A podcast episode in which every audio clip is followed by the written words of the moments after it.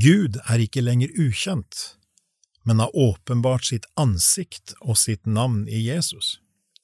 Jesu oppstandelse svarer på menneskets dypeste behov.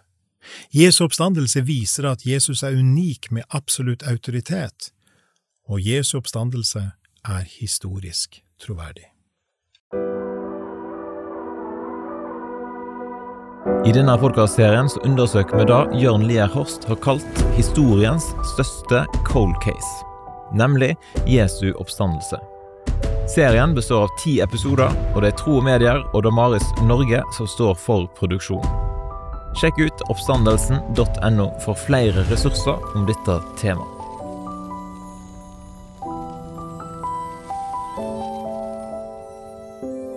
Denne episoden så skal vi ta en tur til Aten. Vi skal være litt i apostelgjerningene 17, for det er en viktig tekst der Paulus legger fram den kristne trua for eh, de som lytter i Aten. Og med oss her nå så har vi altså Lars Dale og Tor Håvik. Og du Lars, du har et litt spesielt forhold til denne teksten her i apostelgjerningene 17. Ja, jeg pleier å si det når jeg formidler og forkynner og underviser ut fra teksten, at jeg har vel vært borti teksten litt før.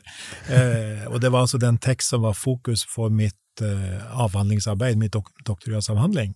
Jeg var på jakt etter en, en, tekst som kunne ligne litt på vår situasjon i dag også, en bibeltekst. Og jeg, så ser vi at her finner vi simpelthen Aten som symbol på det sted der ideer og tanker møttes ikke sant, på livssynstorget, så å si Aten. Det ligner veldig mye på vår tid. Og Paulus formidler evangeliet, formidler budskapet om Jesus, og der finner vi jo at også oppstandelsen har en svært viktig rolle. Da passer det bra å prate med den om, eh, om det. Og da passer det bra å prate om det litt i avslutningen av denne serien sammen med deg, Tor. Ja, for vi får jo her klart for oss hvor sentral del av formidlingen oppstandelsen var for disiplene. Så det forandret alt for dem, og her får vi tydelig hvordan Paulus formidler om oppstandelsen. Og når vi da møter Paulus, ifølge Lukas sin fortelling, på torget i Aten, Eh, så, sant, torget var jo der alt skjedde.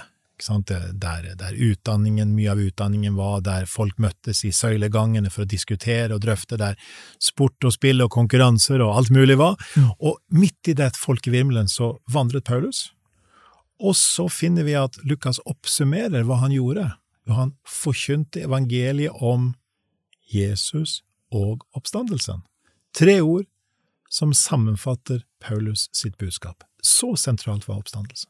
Men forsto de som hørte på hva Paulus eh, mente?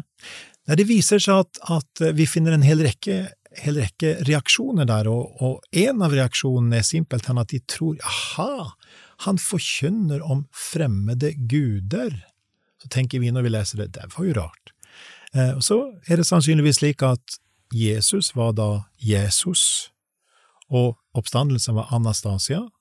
Med andre ord, den mannlige guden Jesus og den kvinnelige guden Anastasia blir plutselig, tenker de, ut fra sin tanke om mange guder, jaha, her har vi en, frem, en herold, en budbærer, eh, om, en, om for, for, fremmede guder som formidler dette merkelige budskapet. Hvem er denne jødiske rabbien? Og så inviterer han inn til det stedet i Aten eh, som skulle, som var det stedet der, der en ga liksom lisens til herolder, til budbærer av forfremmede guder, kanskje skulle bygge et nytt tempel, ny, i hvert fall et nytt alter, og så har vi hele den situasjonen som, som viser seg her.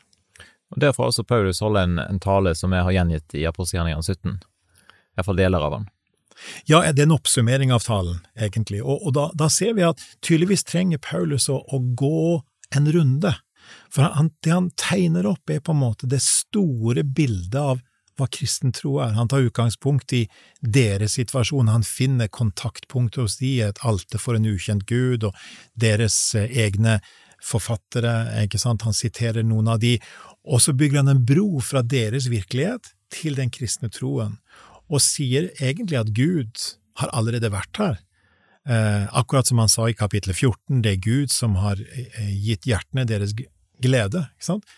Bare den utsagnet er jo interessant. Er det sånn at Gud er alle menneskers skaper, som har gitt alle mennesker sann glede i alle tider?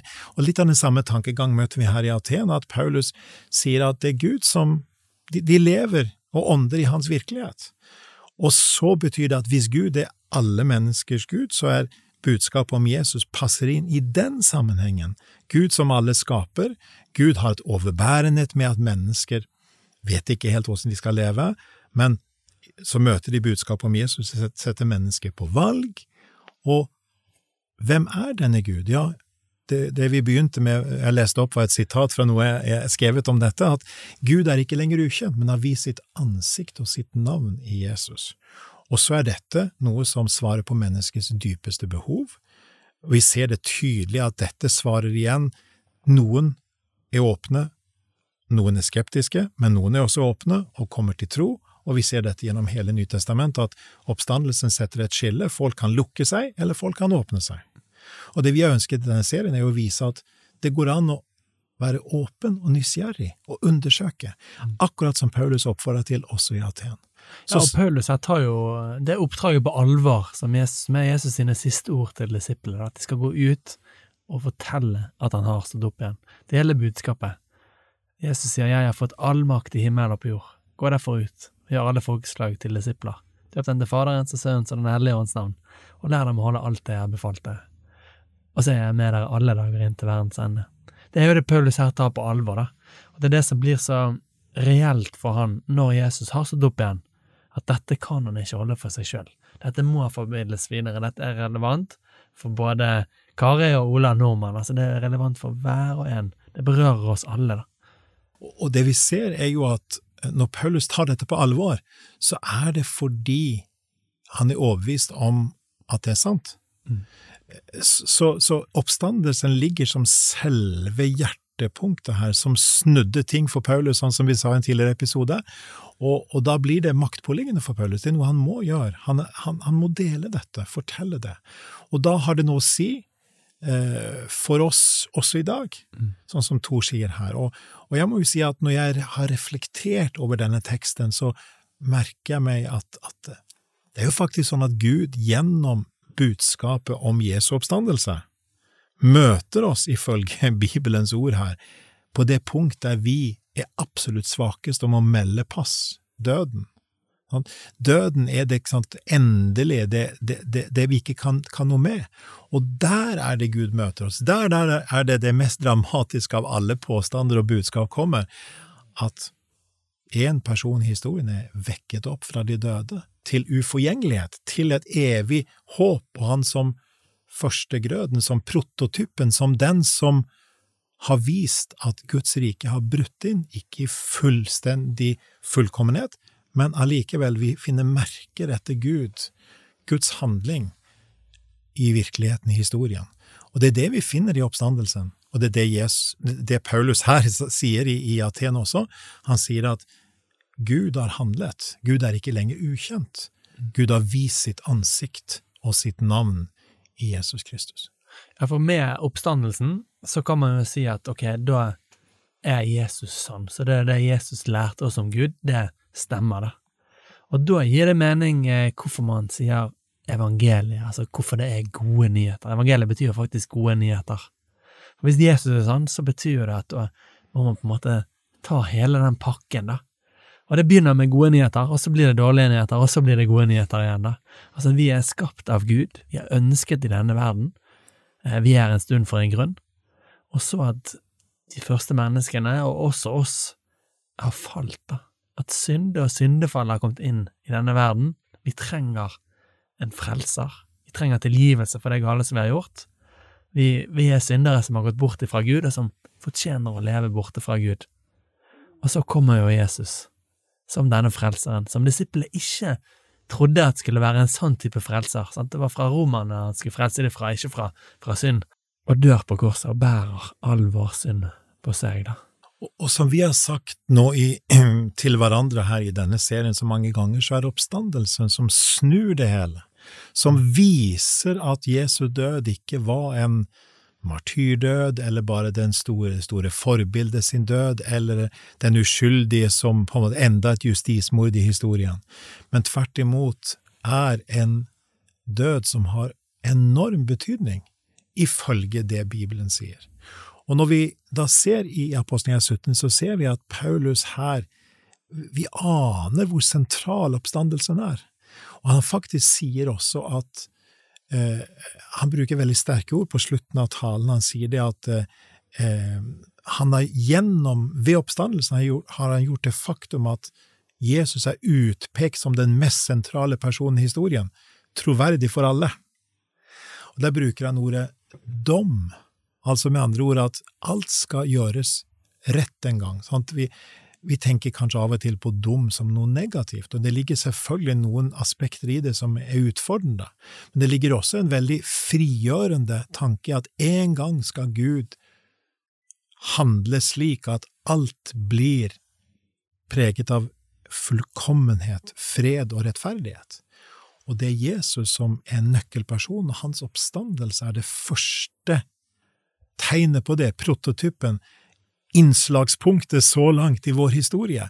Også det som skjer etterpå, er en frukt av det. Etter at Paulus hadde hatt eh, sin tale i Aten, Lars, så skjedde det noe med de som lytta?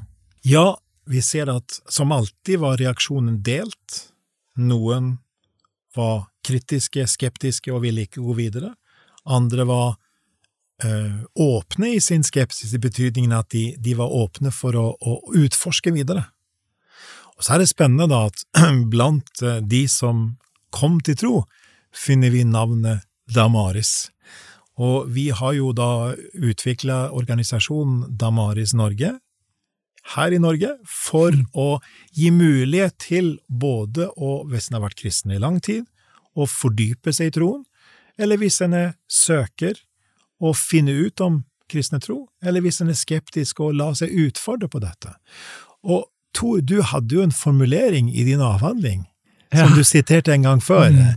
Eh, hva var det du sa om, om du ønsket med alt dette, som egentlig vi også ønsker med denne podkastserien? Ja, altså, jeg, jeg, konkluderte jo avhandlingen med at den kristne kan derfor glede seg stort over bekreftelsen i oppdagelsen, den søkende skulle kunne sette sin tillit til funnet, og den skeptiske burde være forundret over hvor sterkt grunnlaget for oppstandelsen er, da. Da tenker jeg på samme måte som, som eh, vi har tenkt at Damaris er naturlig å, å, kalle arbeidet vårt med å lage ressurser, så ser vi her at her inviteres vi til, til å, å, ta dette videre. Og, og vi har, har den, den, det nettstedet som heter oppstandelsen.no, der både det er mulig å se videoserien, og det er mulig å, å, å ta og høre på denne podkastserien og det er mulig å utforske dette. Så jeg ser jo det at veien er kort fra Paulus i Aten, og det vi har hatt her sammen her knytta til de seks faktaene, hvordan skal vi forklare det, og så hvordan tar vi det så videre? For hvis det er sant, eller i minste er veldig sannsynlig at det er sant, ja, men da kan vi ikke la være å utforske det. Hvis noen nå har å gjennom og har oppdaga at de faktisk har kommet til tru, at de har blitt eh, overbevist om at ja, Jesus sto faktisk opp igjen. Hva bør de gjøre da, Tor? Da vil jeg eh, anbefale å oppsøke noen kristne som du kjenner. Prate med de, og gjerne bli del av et kristent fellesskap. Ta kontakt med oss. Det hadde vært veldig kjekt å få høre. Og så er det å starte den kristne vandringen, da. Med bønn, som er noe av det fineste jeg har i mitt kristenliv, da snakke med Gud, vende tankene mot Han, og ta Han med seg i livet sitt. da. Men eh, først og fremst oppsøk noen kristne du har rundt deg som du kjenner.